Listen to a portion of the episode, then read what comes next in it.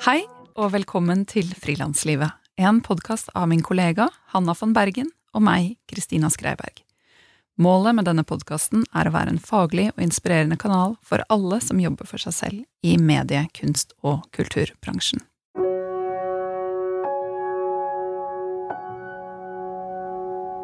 Ukens annonsør er regnskapsprogrammet Fiken. Jeg har brukt fiken i mange år nå, lenge før denne podkasten. Og grunnen til at jeg liker fiken, er at jeg kan eh, gå inn i nettleseren og så logge meg på, og så kan jeg trykke 'jeg har solgt noe' eller 'jeg har kjøpt noe'. Jeg kan også skanne kvitteringer med en app som sender de direkte inn i programmet, og hjelper meg med hvordan jeg skal utgiftsføre det, hvilke konto jeg skal skrive det på. Det er enkelt, og det er deilig. Så takk, fiken. Du kan prøve gratis i 30 dager på fiken.no. Dagens gjest er Veronica Mike Solheim. Mike, som hun foretrekker å bli kalt, sa i 2018 opp jobben sin i designbyrået Anti, hvor hun var sjefsredaktør og kreativ leder for magasinet A New Type of Imprint. Magasinet pitchet hun selv inn for byrået som 22-åring. I årene som fulgte, mottok magasinet en rekke priser. Etter fem år tok hun steget ut og ble frilanser og flyttet til New York. Nå jobber hun som branddesigner, hvor hun jobber med merkevarebygging og konseptutvikling, og ja, er et kreativt hode som kan leies inn. Men hun jobber også med en rekke eh, egne prosjekter, og har etablert plattformen Creative Confessions, som er ment å gi kreative mennesker verden over en plattform hvor de kan snakke åpent om psykiske utfordringer knyttet til det å ha et kreativt sinn. Mike, som nylig fylte 30 år, kommer fra Kaupanger, en liten bygd i Sogn, og er utdannet ved Westerdals. Hei, Mike. Hallo. Hyggelig å ha deg på besøk hos Frilanslivet. Veldig stas å være her òg. Veldig gøy. Du, det er ikke alle som pitcher inn sitt eget magasin til et av Norges fremste designbyråer. Du var bare 22 år, og du overbeviste sjefen din om at du skulle lage verdens beste magasin. Ja. Og du fikk gå i gang, og det er jo litt som å få startet indie-magasin med fast lønn. Fortell. Ja, det siste du sa der, er jo um, et veldig privilegium, vil jeg si. Ja, altså, jeg var intern i Anti, eh, rett fra Westerdals, og har egentlig alltid drømt om å drive eget magasin. Jeg tror bare sånn siden jeg var på ungdomsskolen, til og med. Eh, men det fantes ikke så mange arenaer for det i Norge, mens Anti var et byrå hvor de på en måte feira kreativ tenking og vekst, og var åpne for passion-prosjekter, da. Um, som jeg skjønte ganske tidlig som intern der, og så utvikla jeg Imprint-konseptet, og hvordan det på en måte kunne gagne Anti som deres egen personlige merkevare, da, i tillegg til at uh, man kan bruke det i kundeinnsalg og sånn. Så jeg booka møte med Kenneth Pedersen, som er leder og sjef der, og eh, det gikk bra.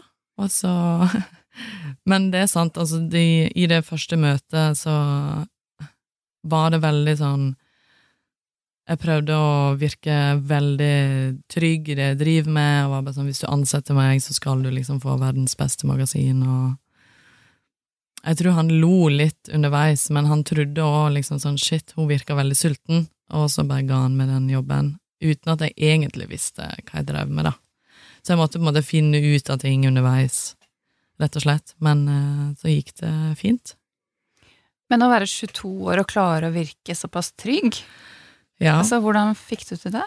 Åh, men det der er så utrolig Det er sånn million dollar question. Det er jo uh, Jeg har hatt, hatt noen um, foredrag på skolen sånn, siden jeg har begynt å jobbe, og det er ofte veldig mange studenter spør om òg, sånn, hvordan er det man egentlig Hvordan blir man så selvsikker i jobben?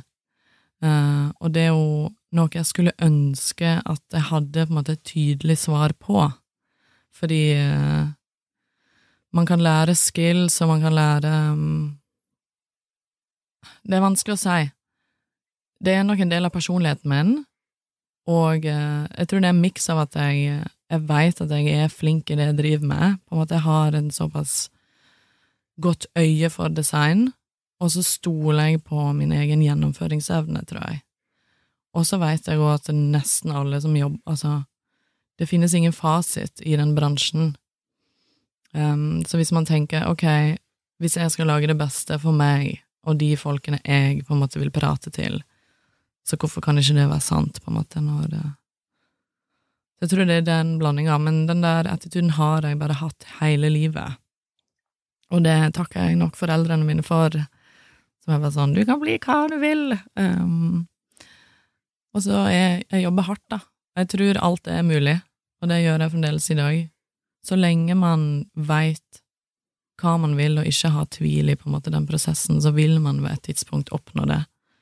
Enten det er akkurat det eksakt det samme, eller du gjør en U-sving underveis, det gjør ingenting, men det er den der å bestemme seg for noe, så vil det på en måte gå. Tror jeg. Men er dette noe du eh, Altså, jobber du med å være sånn, eller er det bare sånn? Altså sånn, Noen setter seg jo på en måte ned og eh, skriver lister over hva de er takknemlig for hver dag. Ja, nå lager jeg sånn eh, meditasjonstegn, eller ja. Jo, jeg gjør Noen mediterer. Ja, gjør du noe? Ja, det gjør jeg. Jeg gjør begge deler. Jeg tror én, det er en del av personligheten min, men jeg jobber aktivt på å være litt sånn Det er kleint, men sånn i speilet, typ. Jeg jobber med kognitiv terapi, som er sånn Du er sterk, du kan få til hva du vil her i verden, du kan gjøre hva du vil her i verden, når som helst. For meg så har det vært veldig viktig. Det var, jeg sier sånne ting hele tida, og, og, det handler ikke bare om jobb, det er jo på en måte mer Derfor det å være god med meg selv, da, og gi meg på en måte skryt og Det er spesielt viktig når man er frilanser, for da har man ingen som står og sier sånn 'det her er bra jobba', eller Men um, ja, så jeg trener nok på det, i tillegg til at jeg tror det er personlighetstrekk. Um, jeg vil nå hvis jeg skal gi tips til folk, så er det jo bare det å tenke Jeg vil alltid si at man skal takke ja til noe man egentlig ikke kan. Du bør på en måte strekke deg mot en stilling som eh, du tenker du ikke kan få, og finne ut hvordan du kan få den stillinga, og så heller underveis lære deg det du skal, da. Jeg har veldig trua på liksom learning by doing og fake it till you make it. Kleint, men ja. Ja, og det å si ja selv om man har litt noia. Noia er jo vanlig, og noia skal man ha. Det er jo, det er jo kjempespennende. Og så må man ikke ta det så ekstremt seriøst heller. Det er jo Grunnen til at man ofte ender opp i den jobben her, er jo fordi man vil ha det gøy underveis. Og ha personlig utvikling, og jobbe med prosess, og finne ut av alle sånne ting. Så jeg tenker så lenge man klarer å ha det gøy, og ha tro på seg selv, uh, ja, man må egentlig passe på den indre kritikeren, tror jeg. Så det er på en måte den man må klare å holde stille, da. Og der kan man jobbe med meditasjon eller kognitiv terapi eller trening eller Det finnes mange teknikker der, men uh, med en gang man klarer på en måte å holde vekk den stemma, så tror jeg man kan få til ganske masse, da. Det er jo på en måte den som dreper kreativiteten, da, vil jeg si. Men har du den? 100% Det har jeg. I noen perioder veldig masse, andre perioder ingenting. Um, og jeg har generelt diverse psykiske utfordringer, holdt jeg på å si. Jeg sliter også med angst, eller jeg har gjort det i mange år. Ikke nå lenger. Men um, jeg har en veldig rasjonell hjerne, sjøl om jeg på en måte vil si en, jeg er en ganske bekymra type. Uh, to, har masse selvkritikk.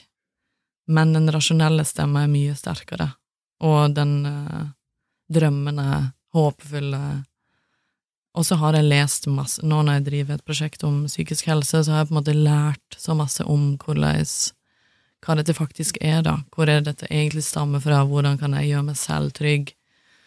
Um, og så er det også det å slutte å sammenligne dine bragder i jobben med hvem du er som person, din egen verdi. Så lenge man liksom forstår at ok, min personlige verdi er uansett dritbra, så kan jeg på en måte gjøre disse prosjektene med sånn for gøy. for personlig vekst. Ja. Og det der er jo eh, skikkelig vanskelig fordi vi, vi som jobber eh, for oss selv med å skape noe, mm. eh, måler oss jo veldig eh, Ja, vår personlige verdi er knyttet, eller sånn, sånn sammensauset med hva man får til. Absolutt. Hva man får til å skape, og hvor bra det blir. Ja, og, det, og jeg kan si sånn Jeg har jo vunnet mange priser veldig tidlig, eh, og det er sånn Det er fremdeles veldig viktig for meg. Jeg prøvde å på en måte avvenne meg det behovet, Eh, og det skal sies at det, du sa det fylte 30 forrige uke, og det er første gang det var en award jeg egentlig hadde drømt om å få, som jeg ikke fikk. Og jeg skjønte det på en måte for ett og et halvt år siden. var bare sånn, Det kommer ikke til å gå. Og bare den uh, prosessen der med å være sånn Herregud, det har jo ingenting å si. Det er jo utrolig tåpelige ting. Det, men det var Jeg tenkte på det på selve dagen. Forrige uke så var jeg bare sånn Fuck, ass. Ble ikke den awarden. Men Man Det- måtte være under 30?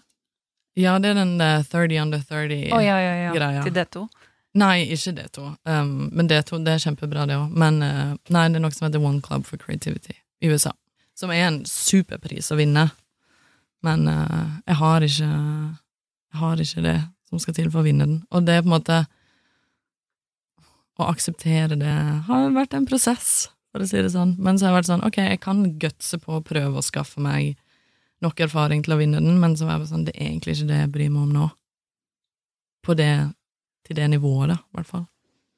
Men ja, jeg tror alle må jobbe med å finne den der personlige verdien, og den reisen tror jeg man gjør ganske tidlig i karrieren. Sånn, etter skolen, komme ut, så får man ofte et lite sjokk, tror jeg. Sånn, å herregud, verden min ble ikke så fantastisk som jeg trodde, selv om jeg fikk denne jobben eller den prisen, og man kan jo holde på med det for alltid, og forhåpentligvis så vil man underveis måtte jobbe med det personlige, da. Sånn at du kan på en måte skille disse to tingene. Jeg tror det er ikke alle som kommer til å klare det, men uh, man bør jo det. Og så er det en evig balansegang mellom det der at det er veldig positivt å være drevet og ha, sette seg tydelige mål som man Ja. har som sånne stjerner foran seg, em, som kan motivere en masse, um, men samtidig gi slipp og kjenne at det er ikke det viktigste i hele verden, Ja. og kanskje ikke akkurat nå. ja, det der er en hårfin balanse.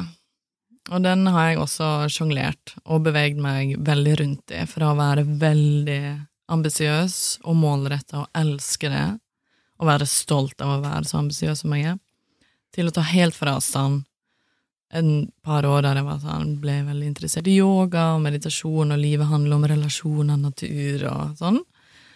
Eh, og gjorde masse selvgranskning i den perioden, til nå å være sånn Jo, jeg er drift av mål, men det er ikke noe galt, det heller. Eh, så jeg tror man kommer til å gjøre sånne runder hele tida, egentlig, gjennom uh, karrieren. Det gjør ingenting. Så lenge man liksom er flink med å ta vare på relasjonene og det som betyr noe ved siden av jobben, og man er drifta, så er jo det bare Man må vite hva som er på en måte din drivkraft, da. Er det tjene masse penger, så er det også greit. Uh, og det er jo bare Det er en gave å ha en sånn fire, vil jeg si. Samme hva det er.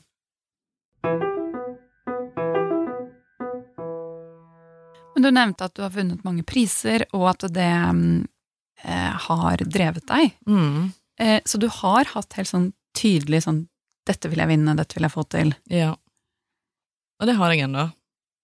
Kanskje ikke like masse på pris, men jeg vil jo helst eh, lage prosjekt som eh, gjør noe, da. Jeg tror det største som har skjedd eh, de siste året, er vel at jeg blir mer og mer dragning mot impact, og også mer og mer mot business. Det har jeg ikke vært før. Jeg tror jeg var veldig sånn eh, kunst for kunstens del, på en måte, men nå er jeg mer sånn å bygge forretning er også en måte å på en måte skape Eller hvis man ønsker å skape en positiv endring i verden, så må man også klare å tjene penger, da. Det er egentlig sånn man gjør stor endring, på en måte. Ja, Så nå er jeg drifta mer av at jeg ønsker at alle prosjektene mine skal gjøre noe godt for verden og befolkningen. det, er det er litt kleint, men ja. Det er målet, da.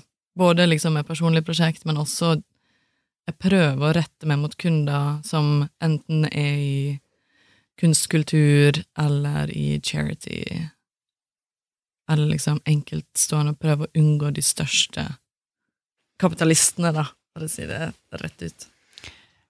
Jeg syns det er utrolig fint, jeg. For det er nok av folk som ikke tenker sånn ute i verden nå. Helt sikkert, men um, man må gi opp et et par ting. Det er sånn, du tjener jo mindre i det sjiktet. Jeg kommer nok aldri til å bli et stinn og gryn fordi at jeg vil heller jobbe med noe som er spennende for meg personlig. Det er også en reise jeg tror veldig mange gjør i den bransjen her. Sånn, på det ene så føler du at du bidrar til noe godt, på den andre siden, så hvis du eksempel ender opp med å jobbe i reklamekommunikasjon, så kan det føles så meningsløst, spesielt når du har sånn en verdenspandemi, og du har frontliners som redder liv, så sitter vi på en måte og selger produkter, da. Um, og den, den, smellen kan nok også være tøff eh, personlig i starten av en karriere, bare sånn, hva er det jeg egentlig driver med? Og da finne ut hvordan man kan bruke det til noe positivt. Enten det er å liksom ha ett passion project, og det har jeg også bevist sånn psykologisk at det har mye å si på selvfølelsen hvis du bidrar positivt til samfunnet. Eh, så man kan liksom ha ett prosjekt på siden, eller om man bare bestemmer seg for å kun jobbe med kunder som er gode fra verden, så tror jeg de fleste gjør en sånn reise ved ett tidspunkt. Og kanskje man bestemmer seg for at det er ikke så viktig, jeg vil heller tjene penger, så er det på en måte det greit òg. Kan ikke du fortelle litt om det valget om å si opp jobben i Anti og satse på å jobbe for deg selv? Ja, det var et veldig tøft valg. Jeg har tenkt på det i etterkant, det var litt som å slå opp med ungdomskjæresten din, på en måte, som var bare det tryggeste og fineste, og Ja, man kunne sikkert liksom holdt ut for alltid, da. Det kunne jeg. Um, men jeg er nok litt for rastløs til å på en måte settle down så tidlig. Så jeg tror det var der det begynte, og så var det mm, det prosjektet om psykisk helse som eh, egentlig via min forrige jobb da, som redaktør for A New Type of Imprint, så intervjua jeg jo veldig mange kreatører, og um, la merke til det med mønster innen ambisjoner, eh, mangel på selvfølelse, um, hvor opptatt man er av disse bragdene, og ja, mønster innen psykisk helse, og så begynte jeg å lese masse om det, og så er det jo masse forskning på liksom alt ifra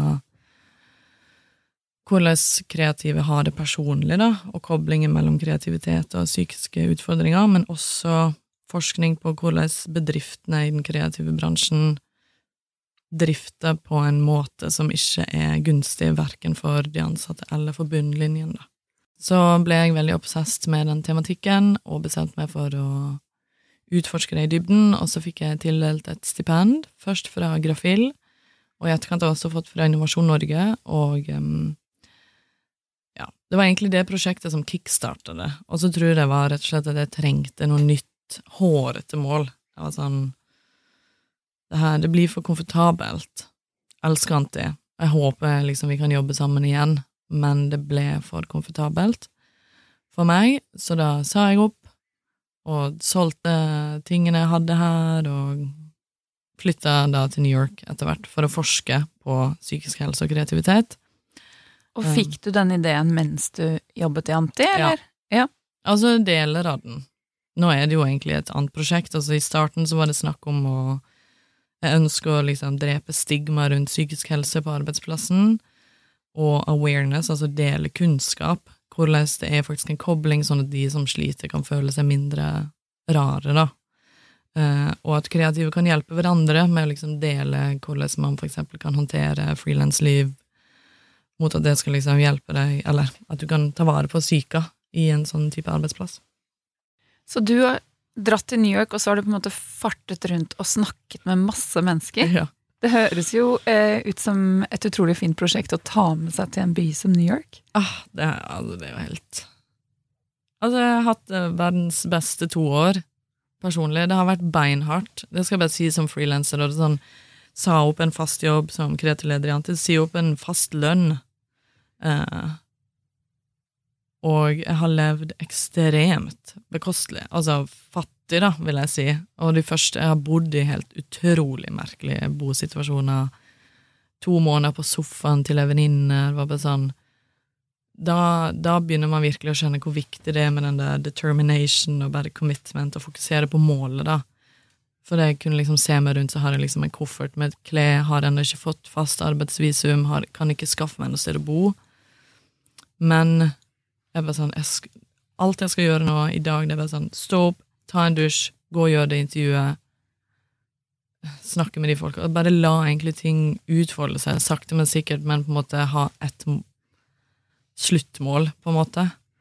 Uh, og det har vært beintøft. Og som jeg sa tidligere, jeg er jo òg uh, en bekymra type. New York var jo veldig skummelt for meg i starten. Jeg var redd for å ta T-banen, for å si det sånn, i begynnelsen. Um, Hva var du bekymra for? Jeg er redd for alt. Jeg er redd for å bli overfalt. Jeg er for uh, Jeg er spesielt redd for å bli overfalt. Og det er også fordi jeg har opplevd det her i Oslo. Ikke noe grusomt, men jeg vet ikke, jeg er redd for å bli overfalt, jeg er redd for å fucke opp med penger. Jeg er redd for å bli syk Altså, jeg er redd for egentlig det meste, da. Jeg har i hvert fall vært. Um, men når jeg er i situasjonen, så er jeg sånn Ja, ja, det her er vel en del av lærdommen, da. Jeg tror det er den der rasjonellheten som klarer på en måte ta over. Men ja, New York har vært Det er gull, det er en gave til enhver kreatør. Jeg anbefaler alle å bo der. Det er liksom sånn hva er det som er så bra med den byen? Men det er liksom Det er jo folk. Hele New York er jo de menneskene som bor der.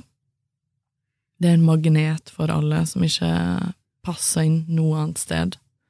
Så det er bare sånn et hav av mennesker. Så når man da er interessert i human behavior og kreativitet som meg, så er det på en måte sånn Det er en gullgruve.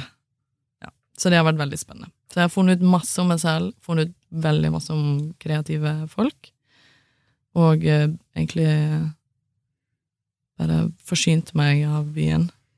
Og så har det sakte, men sikkert gått bedre, sånn frilansmessig. Jeg har jo måttet jobbe frilans for å tjene penger, selv om jeg har levd ganske sparsommelig.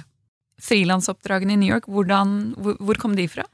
De kom um, Det er morsomt å si det, men med en gang man flytter til utlandet, så blir man litt relevant hjemme. Jeg har hatt en del norske kunder, og jobber mest uh, med det.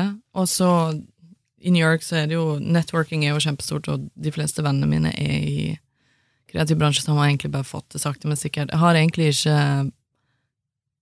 cold caller, uh, noe man kan gjøre, da. Jeg kunne sikkert ha jobba hardere på å få liksom de mer kule prosjektene, og det er på en måte noe jeg sa når du kontakta meg angående intervjuet. Det var bare sånn, Jeg har ikke så mange spennende frilansprosjekter å komme med, føler jeg, og danke i bordet, men det er jo fordi jeg har fokusert på mine egne prosjekt, og ville egentlig hatt. Og det har man ikke alltid. Er, altså, alt går i sånn bølger, og hva man prioriterer, og hva Ja. Ja, men det er bare sånn for å se på New York, så er det de fleste kreatører eller AD eller creative directors som kommer dit, er sånn Du vil jobbe med Nike, du vil jobbe med Adidas, du vil jobbe med de store tingene. Så du setter deg ned, og så går du på det networking-eventet der du veit at de skal, du går på den baren. Folk er utrolig drifta sånn, da. Det funker sånn, ja. Ja, ja. Veldig, og du, du plukker nok en del venner basert på liksom, hvor de kan ta det videre. Og med det sagt så er folk veldig hjelpsomme. Hvis du sier at jeg ønsker å jobbe i Veis, så har du et møte på Veis dagen etterpå, egentlig.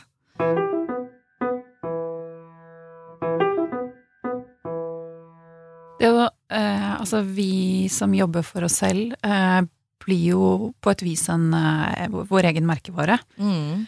Og det å bygge merkevare kan jo du veldig mye om. Um, har du noen råd til ja, nettopp det å bygge personlig merkevare, eller brande seg selv? Det kommer jo veldig an på hva man gjør. Um, om man er musiker, om man er illustratør, eller Men jeg tror jo 100 at det går Man må behandle seg selv som en merkevare. Det vil si at man har et mål, man har en målgruppe, man har eh, visse plattformer som passer bedre enn andre. Man bør egentlig liksom gjøre denne researchen, eh, og da legge en slags publiseringsplan og en grafisk plan da, på hvordan liksom man vil være. Eh, vil du være en utgående, vil du være en aktiv kreatør, vil du være en mystisk kreatør, eller Og så legger man disse planene. Jeg tror akkurat liksom A til Å, hva man skal gjøre. Nei, men bare det. Der er du inne på noe. Det, men det Det er å finne ut hvem du er, da. Ja, det er ganske sånn ja. selvransakende arbeid. Veldig. Som kan eh, Hvor man må gå ganske i dybden. Altså, det er ikke bare sånn Ja, da slenger jeg ut litt om det på Instagram. Altså, fint nok det, men hvis man vil ja. tenke litt langsiktig, så er det jo på en måte hvem er jeg, hva vil jeg at folk skal se, hva vil jeg ha mer av, Mm. hva vil jeg vise frem at jeg gjør, hva er stemmen min, eh, tonen, hva er det visuelle, Ja. altså Sånne ting skal man svare på. Og så Ja. er det helt greit å endre seg underveis. For meg så har det vært Jeg ønsker å være en kreatør som er ganske loud. Jeg liker å liksom Da må jeg eksempel skrive en artikkel, da. Jeg må liksom svare på, være med i diskusjoner. Jeg tror på hvor viktig det er å bidra til samtalen i, i bransjen. Uh, og det er på en måte noe jeg har prioritert. Og så er det å være mer en sånn der uh, litt åpen og nedpå-kreatør. Jeg har ikke vært så veldig pretensiøs på mine egne plattformer, da. Uh, men nå så har jeg vært sånn, kanskje jeg skal bli mer sånn fagretta. Så det er liksom noe jeg prøver å finne ut av underveis. Men man skal i hvert fall ikke skimse av egne sosiale medier. Og det er på en måte der i hvert fall som graf, Hvis du jobber grafisk, så er det på en måte der kundene kommer da, ofte. Og de går i hvert fall innom. Eh, så man må liksom sørge for at det er på plass. Og så tror jeg ikke man skal være redd for å Spesielt det er vel sånn til unge folk som skal ut i bransjen, det å på en måte bidra inn med Enten du starter et personlig prosjekt, eller skriver en artikkel, eller Jeg tror det er så fantastisk å bare liksom skaffe seg selv en stemme. Og i Norge vil jeg si det er liksom, det er en veldig liten bransje. Det er ganske enkelt å liksom få en artikkel på kampanje, da. Eller prøv liksom å mene noe, si noe, hva, og del prosjektene dine, da. Jeg tror det er på en måte selvfølgelig det aller viktigste. Det er altfor mange som sitter og tviholder på ting, er nervøs for hva andre skal si, og, og personlig prosjekt er jo naturligvis mer personlig. Um, hvis du sitter og har en kjedelig jobb, prøv å dyrke liksom det personlige, da. Og bruk det i deling. Bygge brand der.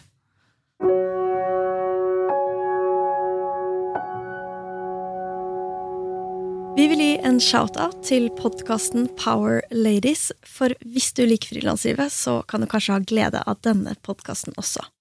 I Power Ladies så blir du kjent med kvinnelige rollemodeller innenfor alle mulige bransjer. Og Yrja, som er programleder, hun intervjuer kvinner som utmerker seg. Det er alt fra idrettsutøvere, gründere, influensere, politikere og forskere. Der deler de tips og triks relatert til karriere, men også egen utvikling. Felles for alle er at de har et brennende engasjement for bærekraftig samfunnsutvikling. Det å frilanse i New York, altså Jeg vil gjerne bare se for meg sånn Hvor sitter du når du jobber? Uh Eh, er du alene, eller sitter du på kafé? Å, det er så ensomt. Nei, nei. Ja, det, det er det Ja. jeg ville inn på, skjønner du. Ja. Savner du kollegaer? Å, jeg savner kollegaer veldig. Um, ja. Har, jeg er nok egentlig ikke en frilanstype.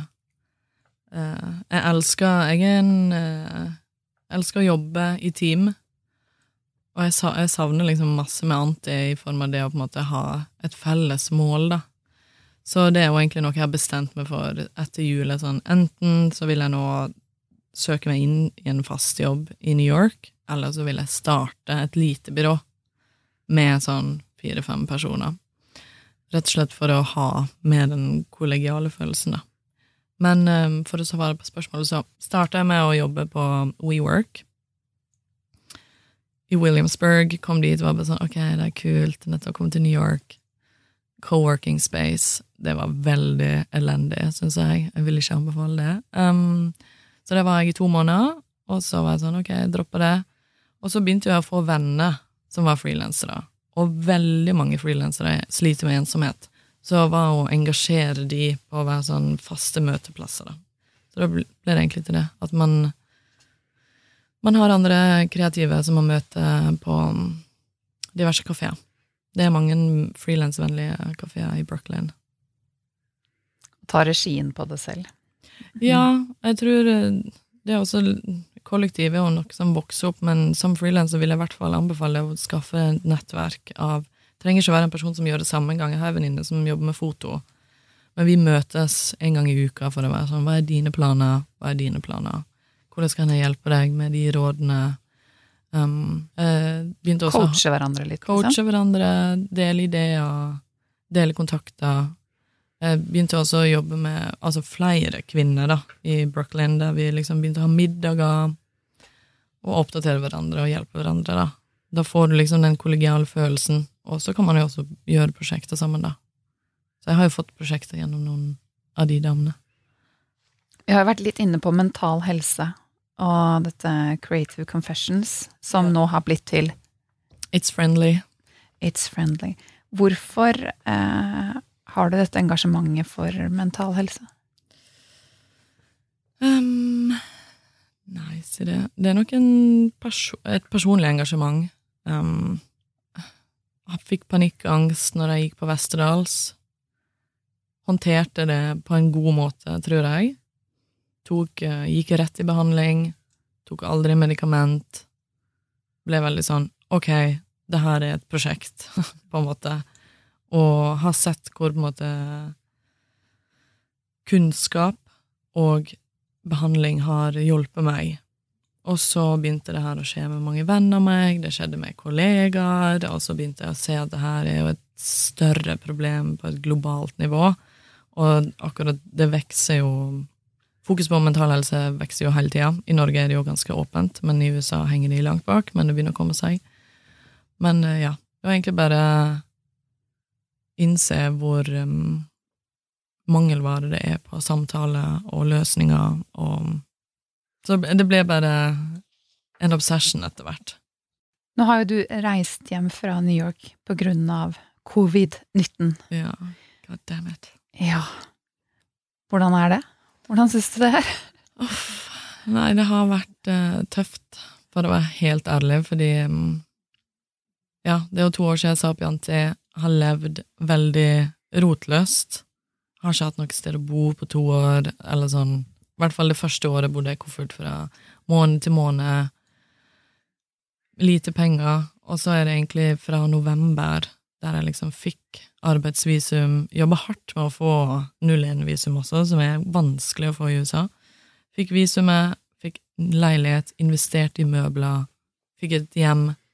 Og så endelig, ting begynte å rulle frilansmessig, og prosjektet gikk oppover, og så skjedde covid-19.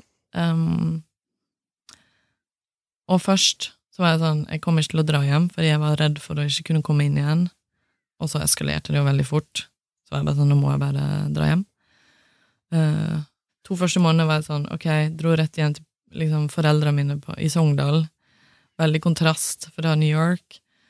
Så sa ok, kom hjem hvis du liksom skaffer meg en gitar, og jeg kan liksom dyrke noe personlig prosjekt der, da.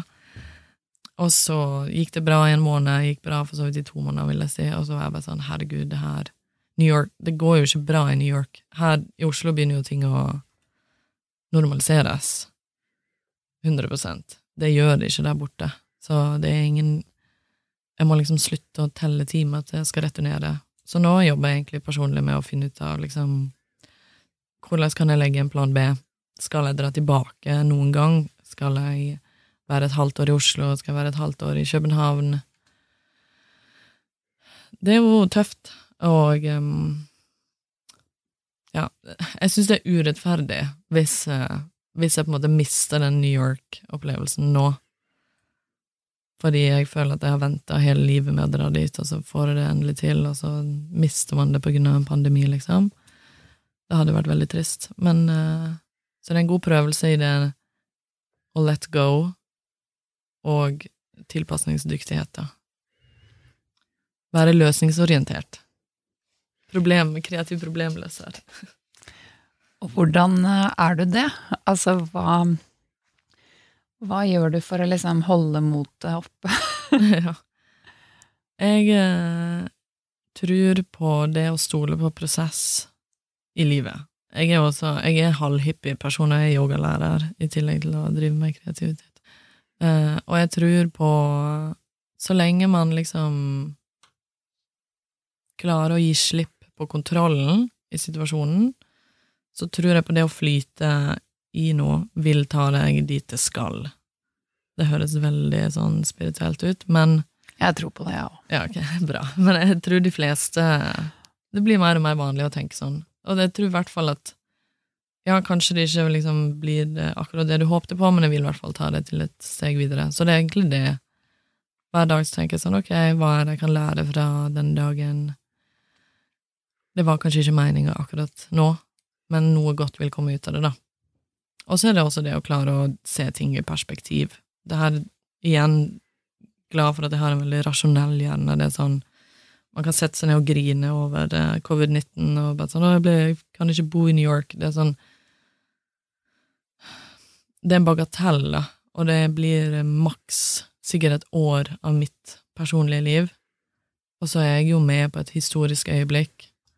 Jeg kommer til å sikkert gjøre masse bra personlig vekst.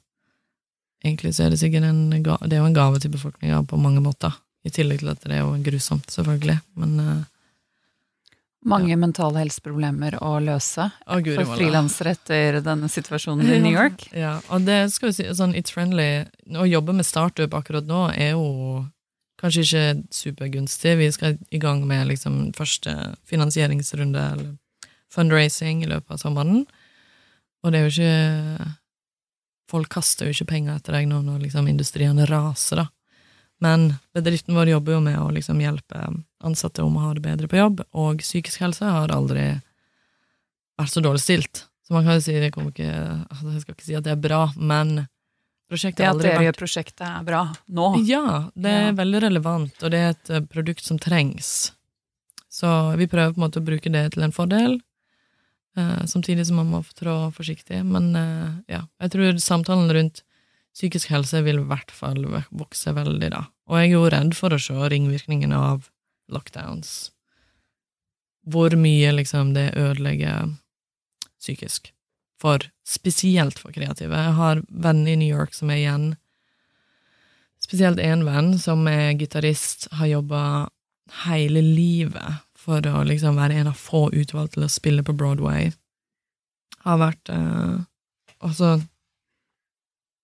Nå er hele den industrien død. Du mister jobben på dagen. Det er ikke noe sånn permittering eller kulturlivet der steng... Altså, det er sånn, det er så trøkk psykisk. Og så tror jeg altså New Yorkers er sånn som De er vant med konstant stimuli av mennesker, og nå må du sitte inne og se deg selv i speilet, liksom, som kanskje er den personen du unngår, prøver å unngå mest, da, med å være på farta i den byen. Så jeg tror det, psykiske er tøft nå. Men det er da man må si sånn, hvis du sliter psykisk nå med å være isolert, det tror jeg egentlig med all psykisk utfordring, er på en måte se på det som en, en gave du får her, for ditt fremtidige jeg.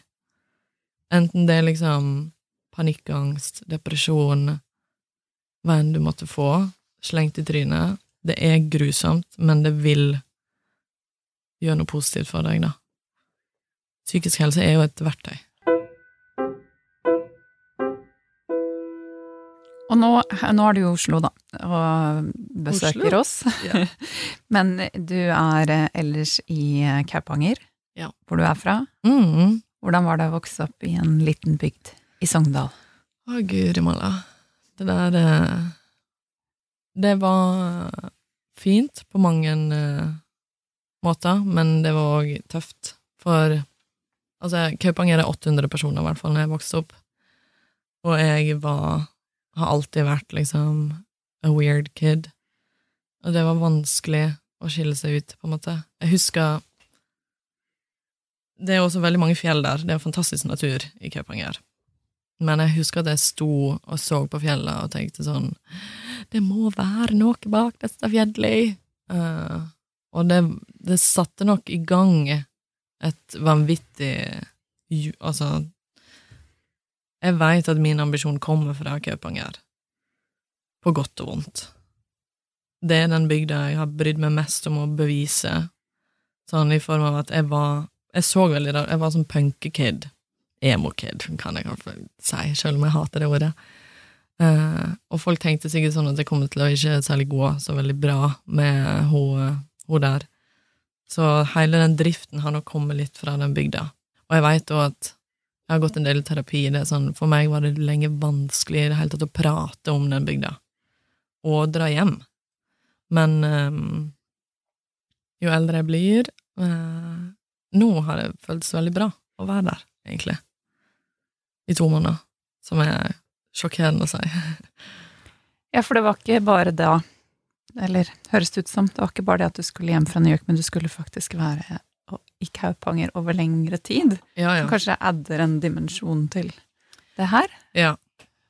Altså, det er jo mer Jeg prøvde å være sånn, ok, det her blir spennende. Det er som å reise på sånn der buddhistisk sanctuary um, et eller annet sted. Og det er jo det. Det er jo serene nature, og jeg bodde når jeg kom dit, så måtte jeg jo rett i isolasjon også. Jeg satt to uker helt alene inne på en hytte, og mora mi lagde mat og satte på trappa utenfor huset, og jeg måtte gå og hente det, og jeg var liksom helt alene i to uker. Hadde du gitaren? Jeg hadde gitar, så det var jo um, Det har vært morsomt for meg å utforske musikksiden min også. Uh, og det har gått overraskende bra, egentlig, men vi hadde nok aldri flytta tilbake. Det jeg er for avhengig av eh, folk, eller bredden av kultur. Det er på en måte det som gir mest stimuli, da. Og det er Selv om Sogndal, som er liksom hovedbygda i området, er i vekst eh, og er en kul, kul bygd med studenter og sånn, så er det blir for snevert av folk, rett og slett.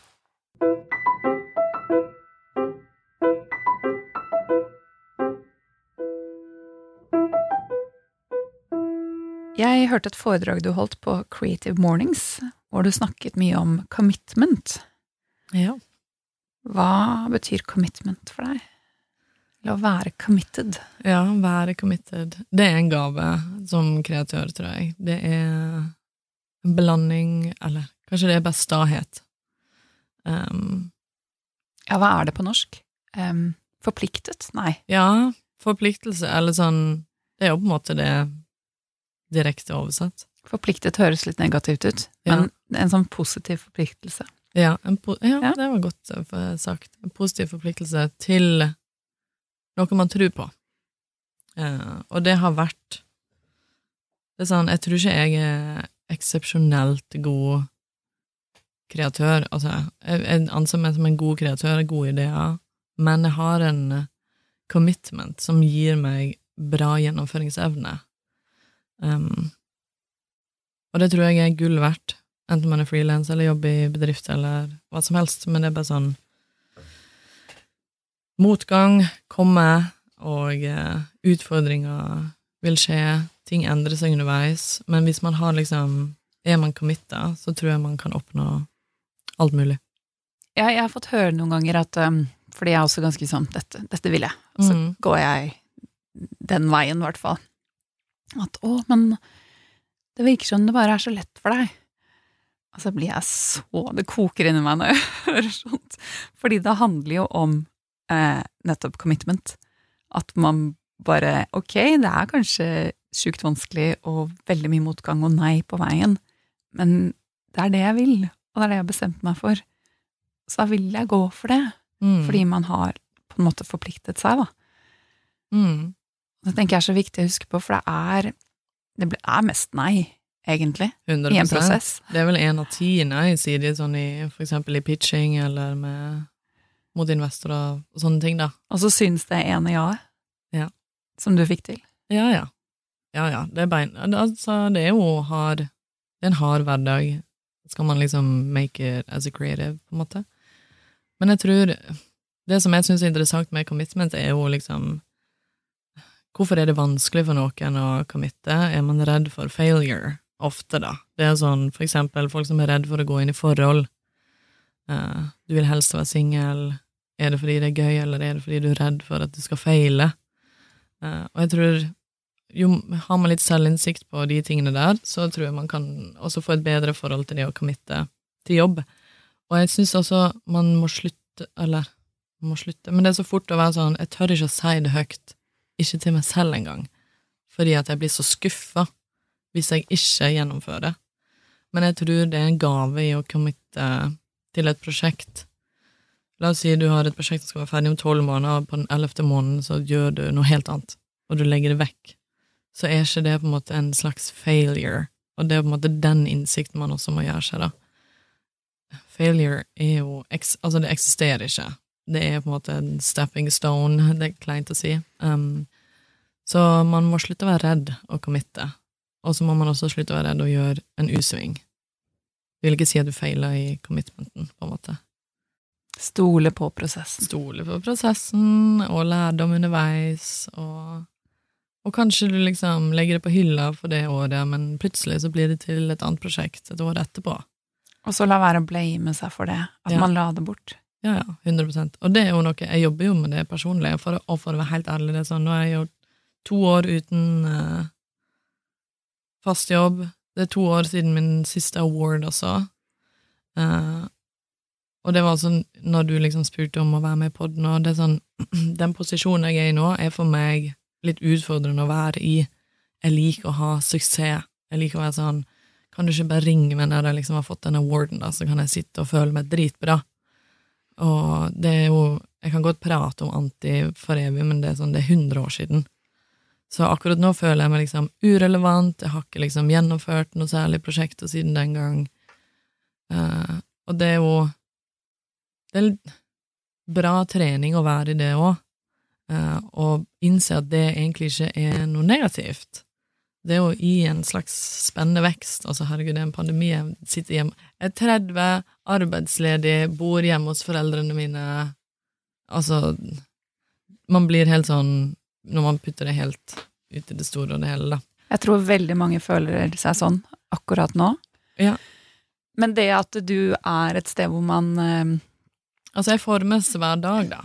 Så må man på en måte bare tenke at eh, det kommer til å bli bra.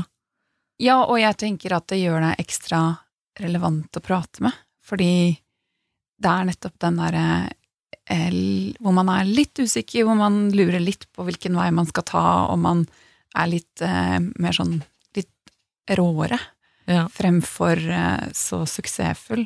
ja. eh, er som suksess, er liksom? Mm. Ja, og som er veldig fint for oss i frilanslivet.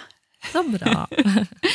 Da kunne jeg sagt takk for oss, Ja. men jeg skal ta et siste spørsmål. Mm. Fordi du sa det eh, at man Det er fint å tørre å si ting høyt. Ja. Og det leste jeg et eller annet sted i googlingen min om deg, at du sa liksom til venner og kjente at jeg skal det og det, jeg skal lage verdens beste magasin, sa du til uh, sjefen din, osv. ja. Har du fått reaksjoner på det? Nå tenker jeg litt sånn Ja, Ja, at folk kan tenke litt sånn Hei, hallo der. Slapp av. Ja. Slapp av, du. Jo, jo. Altså, det får man, men uh, det er jo på en måte en del av moroa, syns jeg, da. Det er jo uh, Man kan si Er det naivitet? Er det Jeg har sikkert blitt tatt for å være ung og naiv, i hvert fall tidlig i karrieren min. Og bare sånn Jeg er best flette, jeg skal lage verdens beste magasin. Uh, og faktisk gamle sjefen min også, eller Kjetil i Anti, han sa det. Det er en sånn salig blanding av liksom kjempegod selvtillit, men også litt naivitet. Og den kan man på en måte bruke når man er ung. Fordi det er man sånn 'Jeg er ung, og jeg vet egentlig ikke hva jeg driver med', og Men jeg tror på å si det høyt er på en måte en For meg bra. Og så tror jeg det er inspirerende for folk. Egentlig. Selv om man kan liksom le. Eh, Inspirerende, og for noen litt provoserende også. Men det er bra. Ja da, men det Jeg har aldri brydd meg om sånne ting. Men jeg husker liksom det første målet jeg satt med, som var sånn superhårete for mange år siden. Jeg blogga jo back in the day, som jeg er veldig glad for at du ikke har nevnt. Det er morsomt at jeg tar det opp selv. Jeg hadde, jeg hadde vurdert det, men jeg hadde putta den langt ned. Ja, det er bra, det er ikke relevant. Men jeg husker i hvert fall jeg sa til en venninne når jeg begynte å blogge, så var jeg sånn Jeg skal bli liksom Norges beste blogger. Uh, og hun bare lo, og var bare sånn Det er så typisk det meg ikke å si. Uh, men så ble jeg det. Og det, jeg tror den følelsen da, for meg er bare sånn Når jeg får prisen, det er ikke så nøye, men det er når jeg sier det, at jeg blir mer gira. Og det er på en måte det jeg har sett nå, så jeg sa til venninne sånn nonchalant Det er ikke så nøye for meg å liksom være verdens beste kreatør, men jeg kan gjerne vinne pris, en sånn hederspris. Skjønner du? Være Sånn, hun, hun lagde noe bra for verden. Og hun bare herregud, det finnes ingen andre i verden som kan si det på en så casual måte, og faktisk mener det, da. For du mener det? Nei, altså, det var mer tull, men ja, ja, herregud, hvis jeg får det, jeg blir ikke lei meg, liksom. Men eh, ja. Eh, Det, man må slutte å ta det så seriøst. Det er lov å ha store, teite mål. Det betyr ikke at du er en uh, teit person for det om, liksom. Kanskje du mm, da utretter noe underveis som er positivt. Dette syns jeg var skikkelig fint. Tusen takk, Mike. Takk. Vi gir oss her. Ja. Ha det bra. Ha det bra. Takk for meg. Vi håper vi skaper innhold av verdi for dere frilansere der ute. Hvis du syns vi gjør det, eh, så blir vi veldig, veldig glade hvis du har lyst til å gå inn i iTunes og rate episoden. Kanskje skrive en liten tilbakemelding. Det gjør at eh, flere finner disse episodene, og det gjør at vi kan fortsette å skape innhold for dere. Vi vil gjerne takke Bergesen-stiftelsen, Fritt Ord og Kulturrådet for støtte til å lage denne podkasten.